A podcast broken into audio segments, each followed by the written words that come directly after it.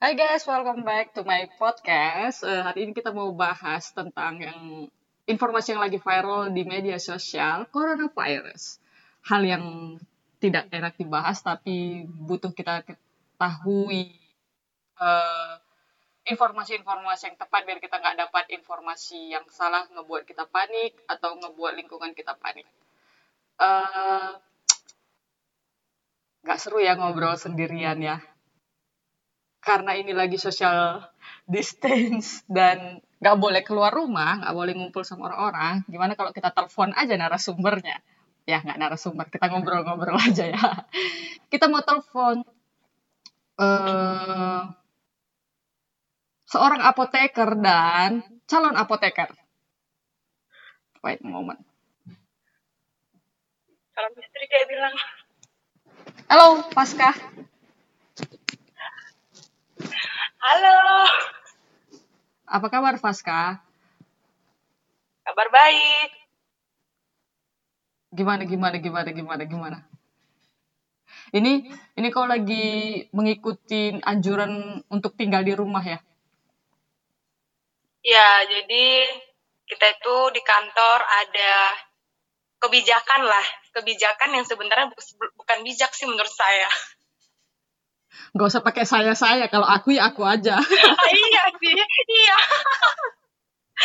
jadi gini ya, kita itu di kantor ada kebijakan untuk eh, apa namanya eh, ngatur shifting buat dibuatkan shifting jadi supaya nggak terlalu banyak yang keluar rumah supaya bisa WFD, WFH di rumah kita Iya. gantian masuknya jadi ada yang seminggu sekali diganti bergilir kayak gitu Tapi dalam artian berarti eh, tempatmu bekerja tetap membuka akses untuk orang-orang datang, untuk eh, ini kan, orang-orang asing datang dan bertemu dengan kalian. Itu gimana? Kebijakan kantormu sendiri nggak nggak memutuskan untuk tutup total gitu? Secara kan Oh, kita dengar juga sekarang kayak Jakarta juga udah soft lockdown. Ya. Jadi, kan saya kerja, aku tuh kerjanya di klinik medical check medical check up. Jadi, perusahaan-perusahaan yang mau kayak eh, apa mem- membuka lowongan kerja untuk orang-orang sebelum di, sebelum diterima tempat kerjanya, dia lakukan melakukan medical check up di tempat kita gitu. Jadi semenjak semenjak adanya virus ini, virus COVID-19 ini, kebijakan kantor kita adalah mengurangi mengurangi eh, pasien medical check up setiap harinya yaitu 30 orang. Hmm, oke. Terus untuk Yang biasanya kalian yang biasanya itu mencapai 100 sampai lebih lah gitu. Tapi dibatasi untuk setiap harinya 30 orang saja biar pasiennya juga posisi duduknya itu nggak terlalu dempet-dempet. Mm-mm. terus buat kalian sendiri yang kerja di sana apa safety-nya? Dibatasin apa gitu? Ya, yang paling utama sih dari pintu masuk itu kita udah udah buat kayak apa ya kayak meja untuk nurse satu nurse untuk ngecek suhunya suhu tubuh terus menyediakan hand sanitizer habis itu juga kita kayak punya eh, lembaran pertanyaan gitu menanya pasiennya sebelumnya dari mana ada ada bepergian ke luar negeri apa enggak. Kalau misalnya ada ya kita wajib tolak gitu demi menjaga demi menjaga kita staff yang di dalam kayak gitu Oh, oke. Jadi maksudmu dengan dengan mengisi formulir ini berarti kalian jadi berkurang juga komunikasi ngobrol gitu ya? Lewat surat itu jadi kok udah tahu historinya atau apa gitu? Atau? itu langsung itu langsung terjadi di hari di di mana pasien itu masuk ke kantor kita jadi nurse-nya kita itu yang cowok biasanya ini yang cowok sih yang di depan pintu kan cek suhu tuh cek suhu terus ketika suhunya udah dicek terus masih normal terus ya kayak nanya-nanya kayak buat pertanyaan gitu dia nanya langsung dijawab langsung pakai lembaran dan dapat kita tanganin gitu dan kita semua dari bagian admission untuk pendaftaran, terus nurse stationnya, bagian nurse-nurse yang akan melakukan eh, melakukan apa eh, check up itu semuanya pakai masker. Hmm. Oke. Terus kalau ngomongin cara penyebaran virusnya ini sendiri menurutmu gimana sih secara kan kau yang kerja di tenaga medis atau berhubungan dengan orang-orang sakit gitu ya. Secara kan sekarang banyak-banyak orang yang parno ketemu sama orang sakit gitu ngerti gak sih? Dan Iya. mungkin di kasusmu ini yang datang itu mungkin 70% adalah orang sakit. Gimana itu? Iya. Sebenarnya resikonya bisa tinggi ya. Kita kan nggak bisa nggak bisa langsung ngejudge.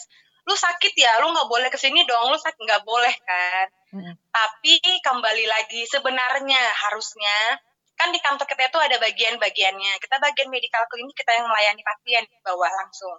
Untuk soal kayak kerja sama perusahaan yang mau take up itu melalui yang namanya marketing, bagian marketing.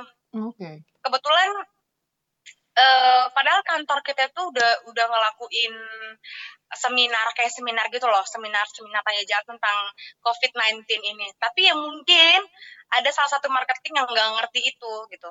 Padahal harusnya dengan adanya seminar COVID-19 ini kan mereka bisa mengedukasi ke perusahaan-perusahaan dengan kriteria orang-orang yang orang-orang yang orang-orang yang mau melakukan medical check up harus seperti ini, seperti ini, seperti ini gitu. Tapi di lapangan itu nggak itu nggak dilakuin gitu. Dan untuk kita sendiri untuk mencegahnya ya se- eh, harus kita sendiri lah yang tahu harus sehat. Kita nggak bisa suruh orang sehat, diri kita sendiri aja yang harus sehat kayak Iya. gitu. Rajin cuci tangan, rajin banyak minum air putih, olahraga. Dan yang paling utama adalah mengatur pola pikir. Sehat, sehat, sehat, sehat. Semuanya jadi sehat. Iya, karena semuanya bersumber dari pikiran ya. Iya benar. Iya, maksudnya masih ada aja kan orang-orang yang maksudnya gimana sih cara penyu eh, cara penularannya kalau misalnya orang yang positif corona tadi megang eh, katakanlah megang tiang gitu kan. Terus setelah itu tiangnya kita pegang, kita udah langsung positif eh, corona juga tah gitu. Enggak sih, kalau menurut aku secara pribadi nih ya, tergantung sama sistem imunnya orang yang orang yang kalau udah positif positif COVID-19 ini megang tiang, terus ada lagi yang tergantung sama orang kedua. Orang kedua itu dalam kondisi benar-benar sehat atau lagi low badinya, eh, imunnya lagi low gitu. Kalau imunnya low, mungkin bisa, mungkin bisa, karena eh, dengar-dengar sih virus ini itu bisa menyebar lewat udara juga loh. Oh ya? Ya. Makanya kenapa kenapa eh, kita disuruh jaga jarak? Ya orang bernafas sejauh ah, bisa kenal loh kita. Serius? Ini aku yang belum tahu loh. Iya, lewat udara. Jadi eh, ke- kapan ya? Terakhir tuh hari Kamis kayaknya deh. Hari Kamis. Jadi kita ada kayak karena mau ada mau diadain yang namanya itu baru berlaku minggu ini untuk untuk shifting seminggu sekali masuk kantor. Hmm. Kamis kemarin kita di bagian apoteknya itu udah kayak di meeting meeting internal lah, meeting Hmm. internal dibilang "Di- eh, kalian di rumah stay at home kan berarti harus pergi liburan. Stay at home, diam di rumah, jaga kesehatan tubuh, eh, eh, apa banyak beraktivitas dalam artian seperti olahraga, Iya. minum air putih, makan makanan sehat. Terus eh kalaupun misalnya kalian di antara kalian ada yang mungkin kayak mengalami terjangkit jang- gejala-gejala seperti yang ada selama yang terdengar selama ini kayak COVID-19 itu, kalian jangan malu untuk mengaku itu. Ini ini yang paling harus kita ketahui teman-teman. Kenapa banyak banget orang yang malu untuk mengakui dirinya dia itu terkena COVID-19? Secara di Indonesia tercinta kita ini eh, pola pikirnya mungkin nggak tahu ya. Gimana ya bilangnya? Eh, kenapa orang nggak berani? Ya karena mereka nggak mau. Eh, privasinya sampai disorot ke dalam-dalam. Lingkungan rumahnya Hmm. dia anaknya siapa kerja di mana. Itu yang buat orang-orang itu takut mengaku kalau dirinya kena COVID-19 Iya, sebenarnya justru nggak penting Iya. ya kan kalau misalnya memang dia sakit. Ini kan sakit ya gitu. Jadi nggak perlu dong diketahui dia anak siapa, sekolahnya di Iya. mana. harusnya harusnya iya harusnya penanganan kita adalah cuman ke penyakitnya kerjakan tujuannya tapi kita melihat ke belakang ya yang kemarin viral baru-baru dua orang Indonesia yang ter- eh, terjangkit virus COVID-19 itu sampai rumahnya di polis line terus sampai di uh, di broadcast di WA benar. ini orangnya kerja di sini. Iya secara pribadi aja aku dia dia wanita loh. Secara pribadi aja aku wanita ngerasa kayak ih kasihan banget gitu loh. Itu udah termasuk dibully dong bagian dari bully ya nggak? Social bullying. itu nggak baik gitu loh. Iya maksudnya sampai dicari tahu semua oh dia ponakannya si ini dia kerja di sini dia habis itu ke sini dia gini sampai di sampai bagian kerjaannya dia yang yang nggak harusnya disorot pun disorot dia bagian dancer dancer sama orang-orang warga asing how come gitu loh Iya, iya, iya. sebenarnya simpel aja ya tujuannya untuk ngobatin penyakitnya kayak gitu Tapi menurutmu itu kerjaan media kan ya yang mengekspos itu Iya. semua gitu. kayaknya sih sekalipun pemerintah udah bilang tidak akan tidak akan mengekspos Hmm. eh, pribadi Data apa diri. namanya ya privasi privasi dari korban ya dari korban dari pasien tapi tetap aja kan tersebar juga kan gitu makanya ya untuk media ayolah kalau kita orang kesehatan disumpah untuk tidak langsung eh, ngomong secara langsung tentang penyakitmu ini ini ini, ini kita disumpah loh Iya, semuanya iya, iya. ya sama Pasti juga media dengan, juga dengan sebenarnya ada. Jadi bener-bener dikip gitu loh. Itu rahasia gila. Gara-gara itu kan tadi udah dibilang yang paling utama tuh pola pikir. Kalau pola pikirnya udah low udah down ya udah. Diserang jangan kan cuman covid-19 mungkin yang lain bisa aja. Ya nggak? Iya itu nggak baik. Terus setelah itu maksudnya makin ke sini berapa sekarang kasus di Indonesia? Berapa? 450 kemarin. 450 per hari Sabtu. Eh selain kebijakan 260 terakhir soft Wow, oke.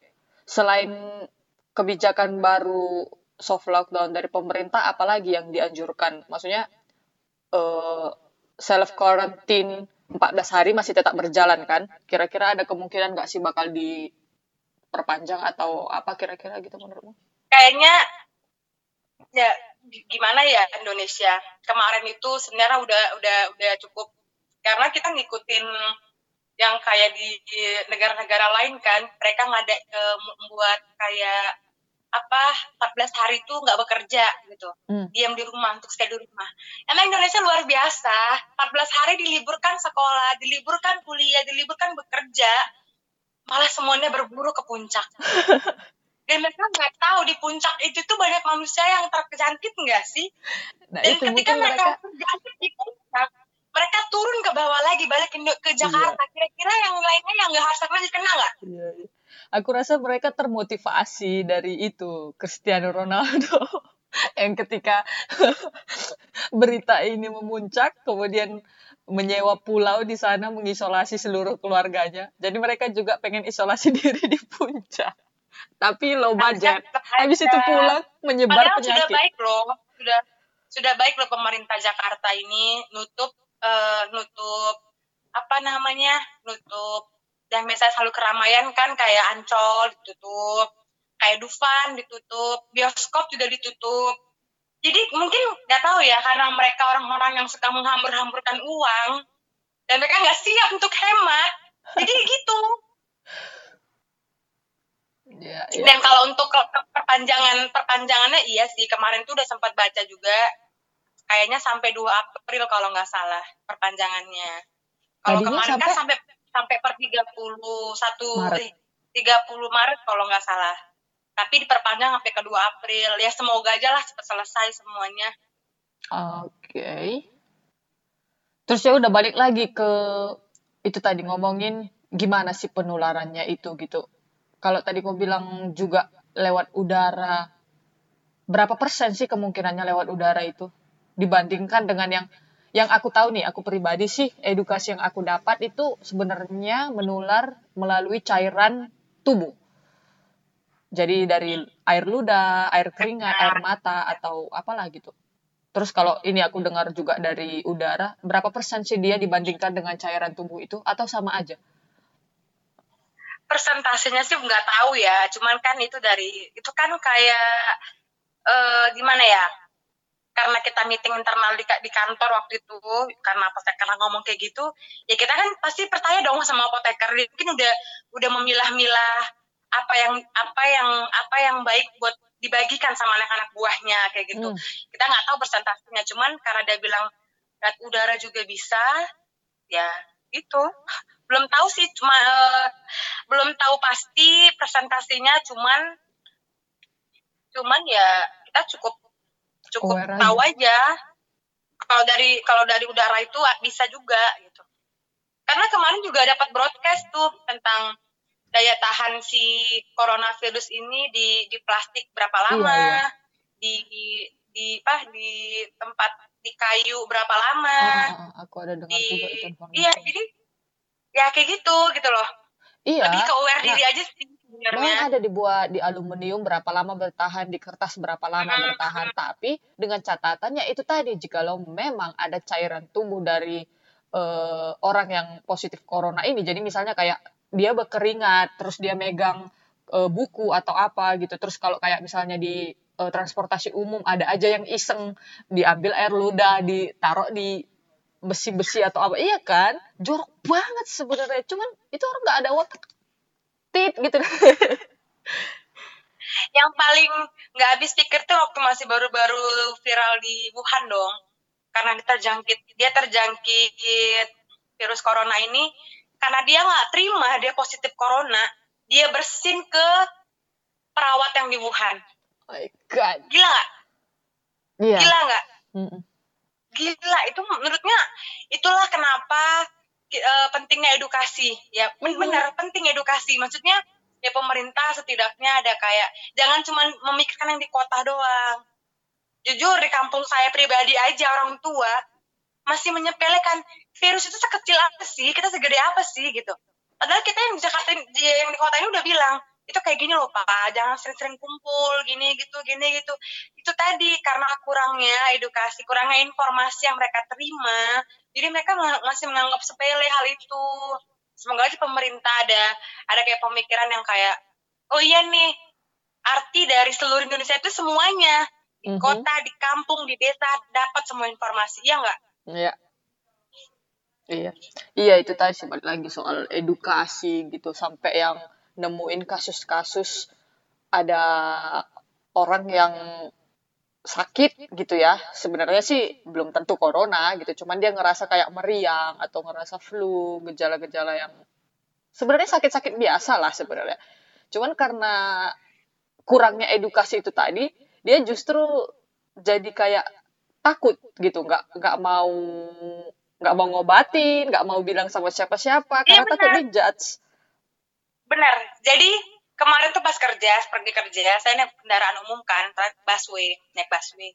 Jadi sekarang orang-orang plus plus 62 ini nih kalau di busway udah ada yang kayak hajim semua mata-mata iblisnya ngelihat udah aku berpikir lu corona ya? Lu corona ya? Kasihan nggak? Kasihan. Kasihan dong. Banget. Padahal dia bersih itu karena debu loh. Iya aku aku ada aku ada sinusitisnya. Karena debu karena air hujan eh, apa aja. Bersihnya gila-gilaan gitu. Jadi bukan hanya karena orang itu bersin. Pas kebetulan aku juga pernah bersin di busway. Gila semua mata seolah-olah mikir duh lu corona ya? Lu turun nggak? Lu turun nggak? Coba bayangin. Wow. Oke. Okay. nih leher tuh kayak ngerasa kayak panas. Gila gue disuruh turun nih. Gila gila gitu. Aduh. Uh, kalau di sini ya, kayak misalnya transportasi umum, eh, katakanlah bus, bus, eh, jadi mereka tetap memang beroperasi, tapi memang berkurang gitu ya. Tapi dibatasin, jadi kayak satu kursi di belakang supir itu dikasih garis kayak polis lain gitu. Jadi mengatakan bahwa ini e, cara mereka untuk uh, social distance gitu. Jadi orang-orang juga nggak bisa ngomong atau nggak bisa kontak langsung dengan supirnya gitu. Kalau di situ sendiri busway busway gitu, secara ojek online masih banyak kan, gitu.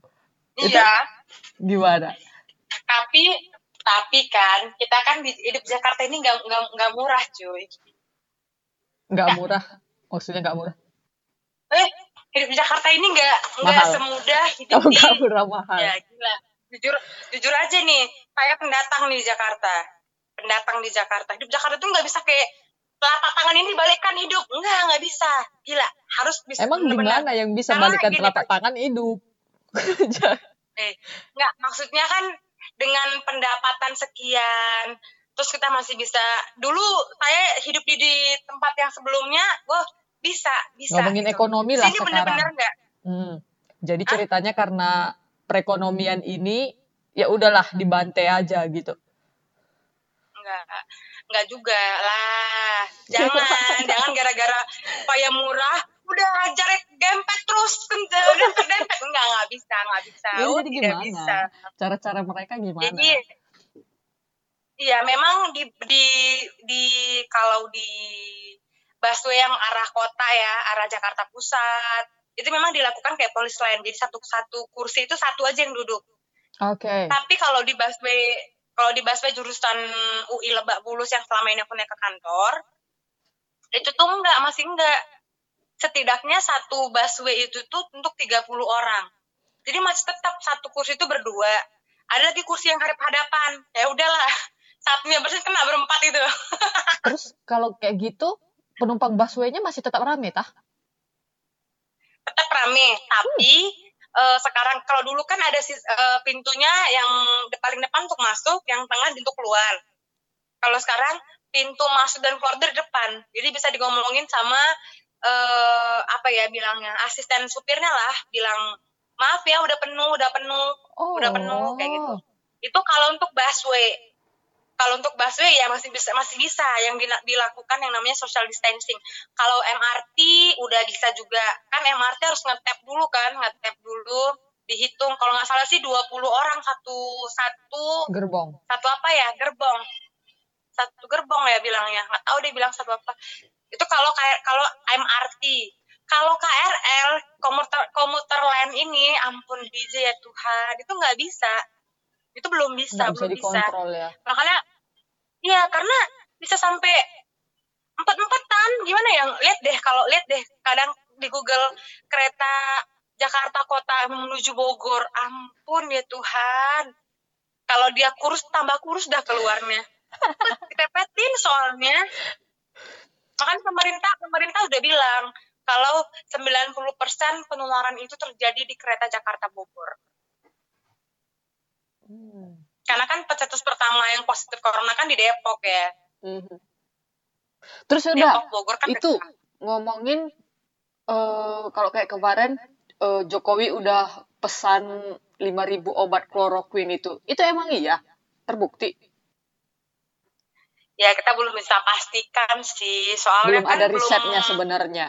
Ah, ah, belum juga ada uji coba mungkin bisa dilakukan uji coba dulu ke hewan percobaan mungkin Hmm. kan manusia hampir hampir sama kayak mencit ya nggak Ai? Ini Tria ke mana sih? Reconnecting mulu. ada dia iya kan kayak mencit ya suhu tubuh sama kayak mencit ya Aku nggak bisa dengar dia. Di sini reconnecting. iya kata si Tria katanya tikus. Jadi mungkin lebih efektif sebelum coba ke manusia. Ya coba dulu ke hewan percobaan kan. Kan gitu ya bagian farmasi ini Oke, terus kalau itu ngomongin hewan, ada kemungkinan juga nggak sih eh, hewannya juga terjangkit terjangkit virus corona ini? Dan mungkin nggak sih hewan juga menjangkitkan ke manusia?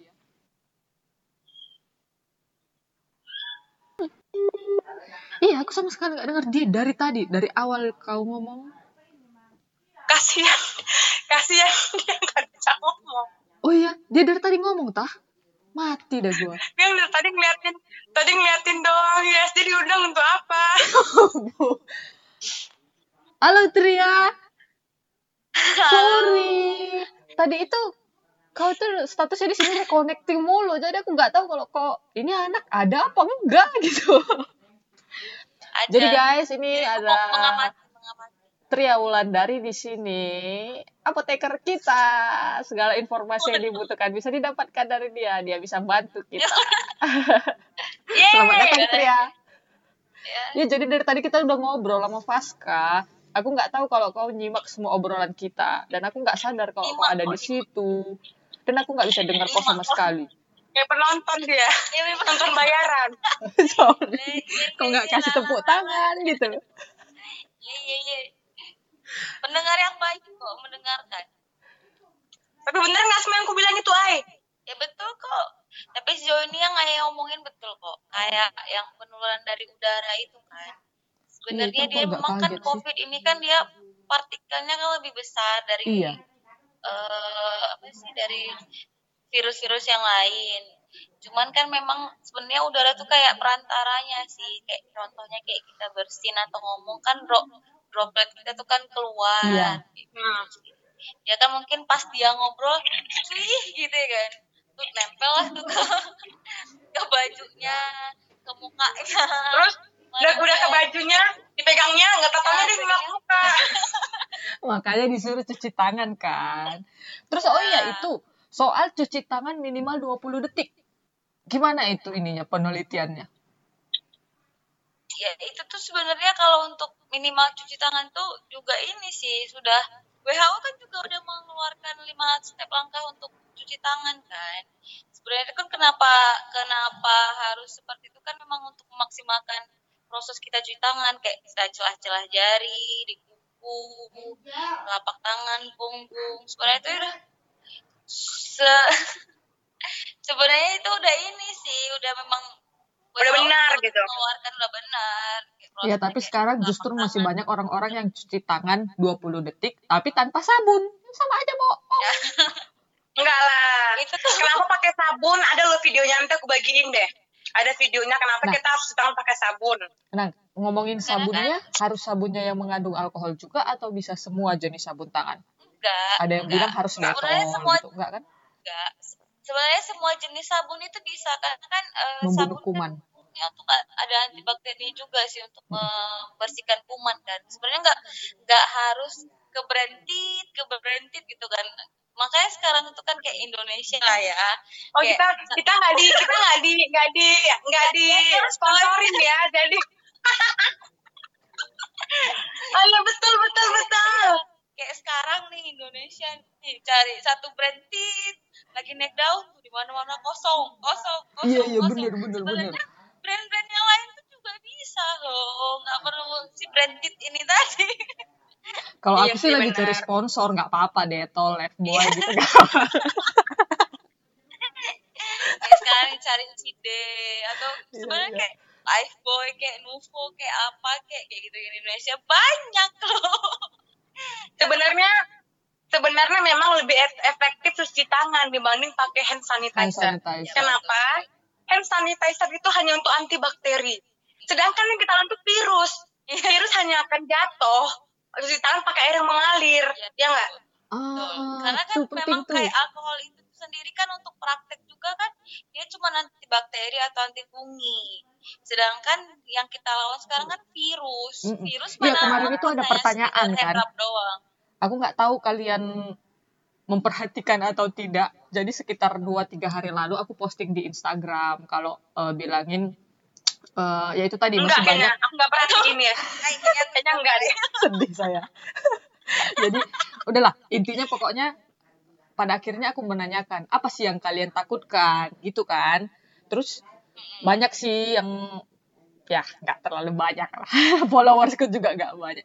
Bilang kan maksudnya mereka mengkhawatirkan mereka takut dengan orang tuanya yang jauh di kampung nggak bisa dikontrol gitu kan. Karena kan rumornya ini bukan rumor ceritanya ini kan eh, mereka bilang lebih sensitif kepada orang-orang tua gitu kan. Eh, terlebih-lebih juga yang punya penyakit eh, bawaan, Bawaan. kayak jantung Bawaan. paru-paru atau sejenisnya gitu ya terus ada saluran juga pernapasan sih. saluran pernapasan. Nah, terus ada juga yang nanyain soal emang bener hand sanitizer itu bisa membunuh virus. Nah, kalau aku pribadi sih sebenarnya bukan virus kan yang diiniin, yang dibunuhnya dia gitu, bakteri, Bakteri. kumannya. Bakteri. Eh, Sebenarnya makanya kadang orang ini salah salah mentafsirkan dan salah ya, Salah, maksudnya ya itu. Indonesia tuh kayak gitu. Jadi Yang kemarin ini Jadi kemarin- betul itu dibolak-balik bolak-balik bolak-balik jadi Iya. kesannya di kantor dari kemarin itu kita ada kayak diskusi juga kan.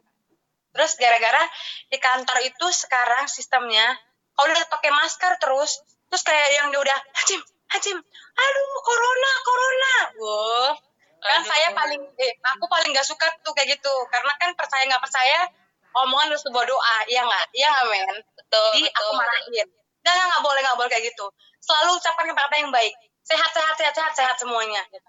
terus ya udah kan tinggal cuci tangannya pakai sanitizer gini nih terus udah ngomong terus ngomong gini ngomong terus akhirnya aku suka amat aku bilang coba baca baik-baik isi dari hand sanitizer itu untuk apa? Kalau emang untuk virus pakai. Kalau misalnya enggak ya, ya emang iya benar. Harus lembab tangan kita. Hmm. harus lembab. Pakai itu. Tapi yang lebih efektif cuci tangan pakai sabun. Aku gitu. Air akhirnya dia baca. dia mau dia awalnya masih mau melawan. Pas dia baca ini oh iya dia antibakteri kata dia. Udah kan kenapa? Ini itulah karena kurangnya pola kurangnya ingin tahuan dia untuk baca iya enggak? Kalau kita kan pasti kepoan ya maksudnya kayak arti ini virusnya gini gimana ya? Kayak kalau aku sih sering kayak buka-buka di Twitter tuh informasi misalnya hari ini udah berapa orang terjangkit pasiennya? Aku klik tuh nyari tahu kenapa? Di mana? Bagian mana? Gitu. Aku cari tahu terus gara-gara apa? Misalnya gara-gara habis makan ini habis ini. Hmm. maksudnya ya itulah. Kalau orang yang nggak peduli gimana? Gitu aku bilang sama oh apalagi- iya iya. Doro kata mereka. Apalagi kayak sekarang inilah kan memang masyarakat 62 ini emang luar biasa pintarnya. Saking pintarnya mengarang bebas sebenarnya. Kreatif. Kayak, apa itu? Lihat dong segi Kayak positifnya. Apa itu? Kayak kayak itu apa menggunakan sanitizer gitu kan.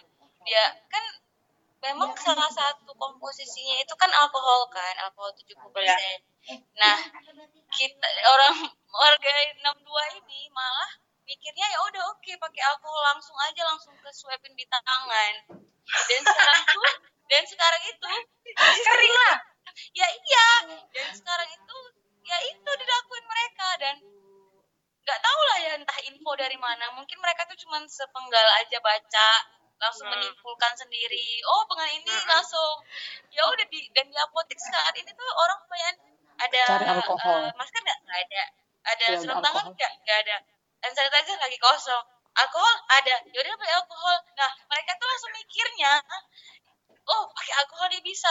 Padahal kita tuh dari awal dia nyari alkohol kita tanya buat apa? Ini hand sanitizer anti corona bla bla bla. Sebenarnya kan nggak kayak gitu. Kalau dia benda mati kayak mensterilkan barang ah, kesan ya bisa kan untuk mensterilin. Nah ini ke kulit. Masa disamain sih kulit sama benda mati?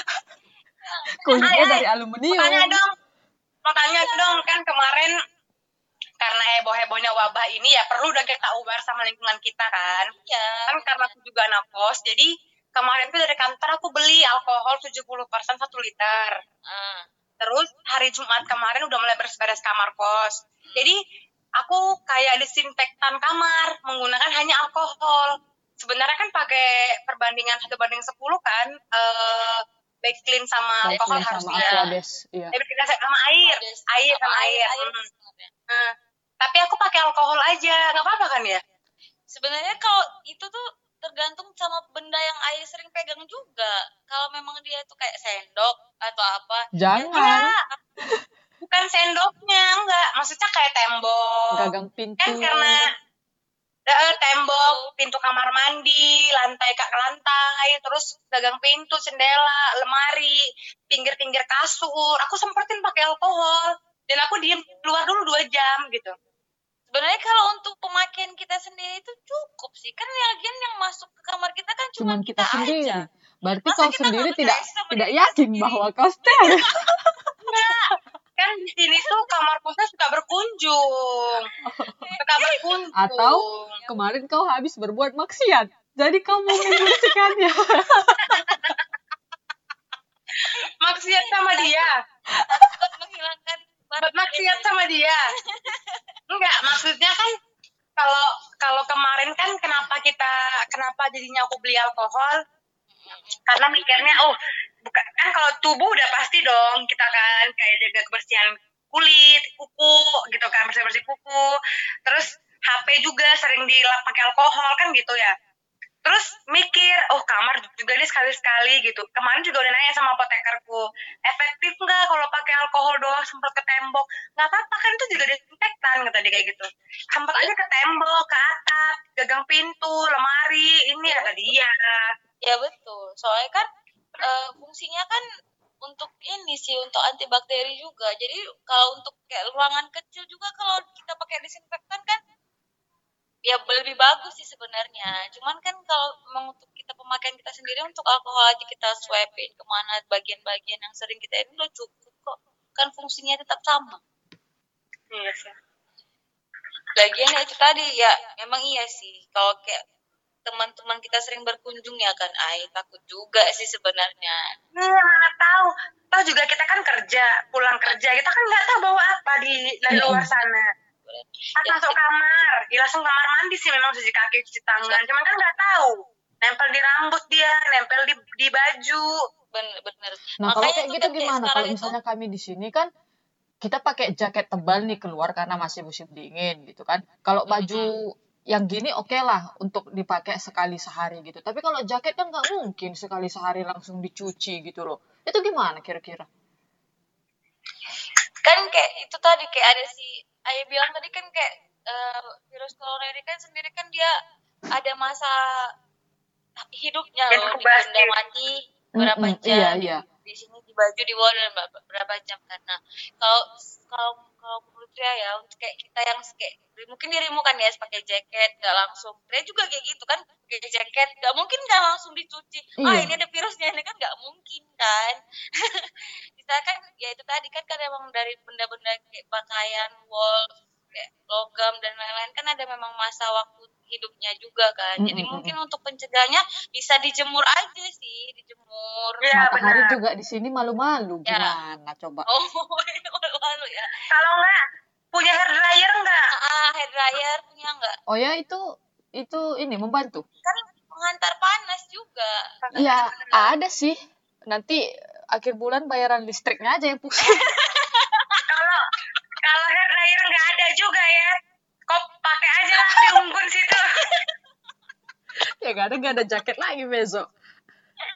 ada Kayak mana men buat? soalnya kan dia kan eh, bakte- eh, virus kan virus corona ini kan cuma tahan dua jam ya kalau dia di sinar matahari atau di panas Oh, di atas oke. 37 38 jadi ya sebenarnya pintar-pintar kita sih aware. Kayak di sini Hmm. kan apalagi di Medan kan panas kan. Jadi paling antisipasinya dijemur. Hmm. dijemur dulu pakai jaket atau apa dijemur aja. Ya udah kayak kita juga kan memang untungnya kita negaranya cuma dua dua siklus ini eh, untungnya itu sih sebenarnya ya kan. Dua Cuman siklus, hujan, eh, panas dan musim panas sekali. sama hujan kan. Jadi Enggak loh. Indonesia banyak loh musimnya. Musim durian, rambutan, musim musim rambutan. itu musim buah-buahan yang banyak Gak habis pikir, gak pikir dari mana loh. Dari Jadi apa podcastku ini di sama kalian? mungkin itu sih Aduh. Aduh, ya. Eh, tapi kan untuk menyambungin yang saya bilang tadi yang alkohol itu, udah ya kan, kan banyak nih berbondong-bondong yang beli kan. Jadi tuh gak berapa lama datang lah tuh ada pasien lagi. Eh, Mbak nanya nih, eh, Bu, kan saya kemarin beli alkohol. Nah, iya, eh, terus kok tangan saya malah jadi kering iritasi ya? Jadi mau ketawa, Mau ketawa takut Mau ketawa. dosa. takut dosa ya kan namanya pasien kan tapi tanya lah eh, kemarin tuh gimana pak pakaiannya? Iya kan lagi ini nih musim corona jadi alkohol itu ya saya sapuin ke tangan. Ini malah tangan saya kering pecah. Malah ini jadi luka iritasi. Terus mau ketawa ya udah nahan ketawa ini. Hmm, gitu kan. Ya tanya lah bacanya dari mana pak? Ini kata orang ini nah mereka tuh nggak nyaring dulu loh informasi tuh. Iya dari si Anu ini katanya gini gini gini gini bisa. Nah malah pas balik dia keluhannya itu kulitnya iritasi kering pecah makanya udah Kantorku ini saat inisiatif buat sendiri dong ini bagi-bagi ke karyawannya. iya Jadi sebenarnya farma juga ada jadi jadi sebenarnya do it yourself bikin hand sanitizer itu alkohol yang Lebih- lebih minimal bisa. minimal 70% katanya kan di bawah Ya. 70% tidak ampuh juga kan Iya, Iya. karena Minimal antibakterial dia 70% 70%. Terus ditambah aloe vera memang untuk eh, melembutkan kulitnya Kalau yang gel, Sebenarnya aloe vera itu sih di situ fungsinya kan untuk melembabkan. Ah, ah. Makanya kalau untuk maupun kalau seandainya pingin ngeracik sendiri harus pakai perbandingan juga. Nanti takutnya kadar alkoholnya tuh lebih eh, malah berkurang. iya benar. Jadi biar Oke. sesuai, biar sesuai, biar sesuai isinya.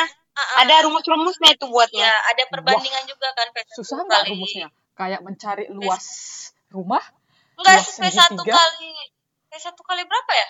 satu Satu kali M1. Satu- Dia kayak satu- pengenceran juga sih. Jadi istilahnya basis jadi istilahnya alkoholnya itu kadar alkoholnya itu dengan ada tambahan lain tidak apa berkurang. apa aja sih yang dibutuhin sebenarnya untuk membuat hand sanitizer ini mungkin paling nggak itulah yang bisa Kalau yang- didengarkan pendengarku Oh, iya. Banyak versi kan, Kalau- banyak versi. Ah, yang banyak gampang versi. didapatkan lah. Kalau yang ke ya resmi dulu ya, kalau yang berdasarkan WHO sih, yang sekarang kimia farma juga lagi ini kan, dia kan penggunaannya kan alkohol 70%. Kalau 96% bisa, tapi kan mesti encerkan dulu kan. Terus H2O2 yang 3 per 3 H2O2 itu apa ya pendengar saya awam Hidrogen perikso, Hidro- perik, hidrogen peroksiat. itu anak farmasi ya, tolong ya, yes ya. Tolong antara ya. antara pendengarku yang awam atau aku yang terlalu goblok Eh, Mungkin sudah peroksida. lupa. Itu apa tadi itu helium juga peroksida hidro- Hidrogen. nanti aku cut yang gini ya hidrogen peroksida ya H2O2 kan. oke Terus si O H2O2 sama oh satu lagi gliserol yang gliserol gliserol. Iya, kita pakai gliserol juga. itu Pakai gimana glycerol dapatnya emang bisa beli kapotik bilang H2O2 Nah, nah itu Pa- Pakai kalau kita pakai essential oil juga, ya pakai aquades juga gitu. Sebenarnya kalau untuk beli bahan baku itu sendiri ya dibeli di bahan baku di apotek nggak ada jual yang kayak gitu kayak gitu. iya ya Di ini jual kok di kita, kita kemarin tuh di kita di kantor buat di kosan kosan juga buat nih kita beli di Shopee kemarin. ah Hmm, udahlah beli aja lah Soalnya kalau untuk soalnya kalau beli kalau untuk beli bahan baku itu rada susah sih apalagi H2O2 kan. Mm-mm. Susah. Soalnya kan Eh, kalau untuk tapi tapi kalau kita misalnya buat hand sanitizer nih, kan aku rencana mau kirim nih sama keluarga aku lah yang ter yang terpencar-pencar nggak jelas ke mana-mana. Mm-mm. Itu nggak boleh ya, Ay, dikirim ya katanya. Gara-gara alkohol, ya, bisa meledak ya. Iya, lagian nah itu kan misalnya kan alkohol juga kan kalau dia proses pengiriman kalau kena panas kan takutnya Iya. memuai wing. Terus dia goyang juga ya. Ya, betul. Ke goncang malah Sekalipun sekalipun dia di di dilapisin sama bubble wrap itu juga tetap nggak bisa. iya, to- soalnya kayak sekarang kan kita kan nggak tahu ay proses pengirimannya kita dari kayak Iya, ay dari Jakarta ke Medan kayak Dibanting proses pengiriman itu kayak dia kena gitu. panas Iya. atau gimana atau kebanting atau gimana kan Mm-mm. nggak nggak tahu nih gimana takutnya nanti meledak malah Terus kalau kita bawa sendiri yang juga lain-lain kan ada batasannya ya. Misalnya kita mau naik pesawat kan di ini tuh berapa banyak paling sayur. seukuran maksimal kayaknya cuma 100 mili deh kalau Ya dia berarti sekali. intinya kau ajarin aja mereka cara membuatnya, Fas. Iya, bapak aku tuh bilang, kan dia lalap keluar aja kan. Jadi kalau ditelepon, di mana pak? Lagi ada rapat. Coba, coba. Eh, kan nggak boleh rame-rame dari keramaian. Coba jawabannya apa? Ini orang tua ya, jawabannya adalah, eh kan kami sebelum masuk dicek suhu dulu kok. Nanti di kursi kami disiapin kok cuci tangan. Coba, bisa ngomong apa lagi? Bokap, bokapmu Udah lah, termasuk orang tua tadi ini, juga coba. Eh, perokok enggak? Perokok. Perokok yang udah dua kali masuk ICU gara-gara gara-gara komplikasi tapi tetap ICU jago masih ngerokok. Nah itu kemarin juga Ya, salah satu pertanyaan yang kayak ya, gitu. Bokap perokok, terus dia jauh, aku nggak bisa kontrol, gimana? Jadi aku khawatir gitu. Kau sendiri gimana caranya supaya tidak mengkhawatirkan bokapmu? Ternyata kau sendiri masih khawatir. Kalau aku pribadi nih ya, aku pribadi ya kita sebagai anak yang jauh, aja aja nelpon. Tau nggak, orang tua aja sebenarnya seneng tahu sekalipun dia cuek bilang, ah, enggak, enggak, enggak. Iya, iya, tapi dengerin tau nggak sih? Apa jangan keluar dulu di rumah aja. Terus hari ini kita bilangin gitu berulang-ulang kita dengerin sekalipun jawabnya udahlah berisik sekalipun tapi dilakukan loh kata mamaku yang kayak dia udah eh, beberapa hari ini di rumah aja kadang terus tidur terus mamaku bilang bagus sih kak kalau sering-sering tapi kan ada juga perdebatannya gitu keluar juga omelan yang enggak yang sebenarnya kalau kita anak-anak yang baperan sakit hati loh Iya. dengan omongan orang tua tahu apa sih anak kecil gitu tapi kan kita nggak baik Sebenarnya kan orang tua ini kan semakin tua tuh semakin perlu perhatian sih sebenarnya. Iya. Apa yang penting. Jadi Swasta belum tua butuh perhatian. enggak lah enggak lah beda beda ya beda jadi walaupun kita cuap-cuap dan eh, balasannya cuma eh, ya apa sih atau apa entah berisik atau apa ya tetap aja dikasih terus dikasih. mereka lama-lama oh iya iya juga ya iya juga. Sama kayak gini aku sih belajarnya kayak gini sama kayak batu. Dikasih tetesan air terus terus terus Iya. terus. Iya, Apa iya. Eh, menipis deh ya hancur ya. Tapi sebenarnya sebenarnya baik sih. Sebenarnya ada positifnya juga dengan terjangkit adanya virus corona ini. Kenapa jadi orang-orang yang selama ini sibuk bekerja jadi si- harus siap ya harus ngumpul sama keluarganya iya nggak? Ya. itu positif loh menurut aku. Ya. rajin olahraga sama, sama, sama keluarga. Jadi ada kayak relasi Juga kan? Eh relasi obrolan keluarga. Yang biasanya kan tau gak sih zaman sekarang? Bangun pagi HP sore HP terus nongkrong sama temen. Eh, ke sana ke sini main game ngobrolnya kapan sekarang ya ya ini ini termasuk menurutku ada positifnya juga gitu Contohnya juga kita Kalau ya dilihat kan, dari sisi yang lain ada sih, virus ya ini kan? kita nggak pernah kayak gini. Sekarang kita gila. enggak kita juga pernah ngobrol tapi Ada kita ngobrol di grup ya. cuman kayak setahun sekali ulang tahun doang sama ulang tahun isi isi grup isi grup dari tahun ke tahun selamat ulang tahun selamat ulang tahun iya ya itulah dia. Grupnya isinya cuma ngucapin ulang tahun doang ya. Ya itulah makanya kita harus eh jadi itu tadi balik tadi waktu sebelum si Tria muncul soal kloroquine itu. Kalian sendiri yang bekerja di tenaga medis gitu menyarankan nggak sih sebenarnya untuk mengkonsumsi kloroquine ini? Enggak tadi sih. dibilang diuji dulu ya Ay.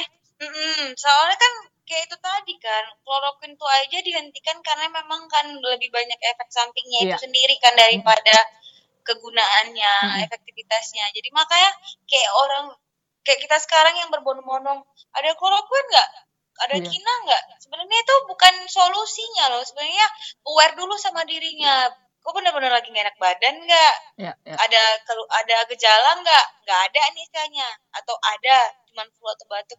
Ya bagus cek dulu ke dokter. Bener nggak? Sakit? Perlu nggak eh, obat itu? Perlu nggak penanganan yang lain atau Mhm. apa? Tapi kan kalau sekarang kan yang di yang terjadi kebanyakan kan orang langsung ngejas. Ih demam, ini udah demam berapa hari? Gini-gini. Ah stok lah beli kloroquine, beli kina. Nanti kenapa-napa? Oh enggak, ada stok lah. Beli antibiotik. Atau beli beli obat batuk atau beli apa. Ya kalau dia Iya. nyetoknya multivitamin ya nggak masalah ya. Toh memang dibutuhkan sama tubuh kita. Ini Nah. yang di stok ini antibiotik kloroquine. Eh, obat Tapi- batuk obat obat batuk Tapi- masih oke. Tapi Ay ini. aku tadi pagi tuh baca juga nih baca di art- masih artikel sih belum jelas ininya. Katanya untuk anak muda di bawah 30 tahun gejala itu beda sama yang selama ini kita tahu kan demam batuk Iya. flu gitu kan. Beda dia nggak bergejala coba. Memang tapi dia bisa memang. positif covid. Makanya jadi gini loh eh gimana ya efektivitasnya? Kenapa orang juga males ke rumah sakit? Dia lihat aja lah sekarang ke rumah sakit udah banyak pasiennya Iya. begitu. Kalau kita Malah ke rumah sakit gitu. cara nggak langsung kita terpapar Iya, juga ya nggak? jadi gimana malah serba salah Iya, sebenarnya tuh kalau dipikir-pikir sebenarnya sebenarnya salah. Kayak kita lagi gak enak badan, datang ke rumah sakit. Sedangkan rumah sakit itu tempatnya, tempatnya Mm-mm. virus itu sakit, berkembang dan kita datanglah yang lagi resisten. Mas sebenarnya memperbesar kemungkinan kita untuk tertular dari yang lain kan? Ya iya sih memang sebenarnya, tapi kembali lagi kan kita tahu batas sendiri kita. Kita ini sakitnya seperti apa. Memang bukan bukan bukan. Jadi apa ya sebenarnya lebih aware aja sih sama diri kita. Harusnya kita punya saran gini tau gak sih? Kalau aku sih berpikir kayak gini kenapa pemerintah nggak bu- nggak buat kayak di Halodoc? Itu kan ada kayak konsultasi. Hmm, ada kan Halodoc konsultasi via chat. Iya, tapi aku Nah, bisa daftar tapi kita- karena nomor teleponku tidak terdaftar di Indonesia. Ya iyalah. Ya, berarti Tapi- nomor yang lain nggak? Bisa nggak sih, Es? Ya aku nggak Tapi punya. diubah, kan aku jangan- jangan- ini. Oh, tapi diubah jangan via chat. Jadi via kayak gini ngobrol. Web, Eh, jadi biar email. dokternya sama langsung lihat oh coba diginiin dulu matanya ibu. Oh ini gini gitu. Ya nggak?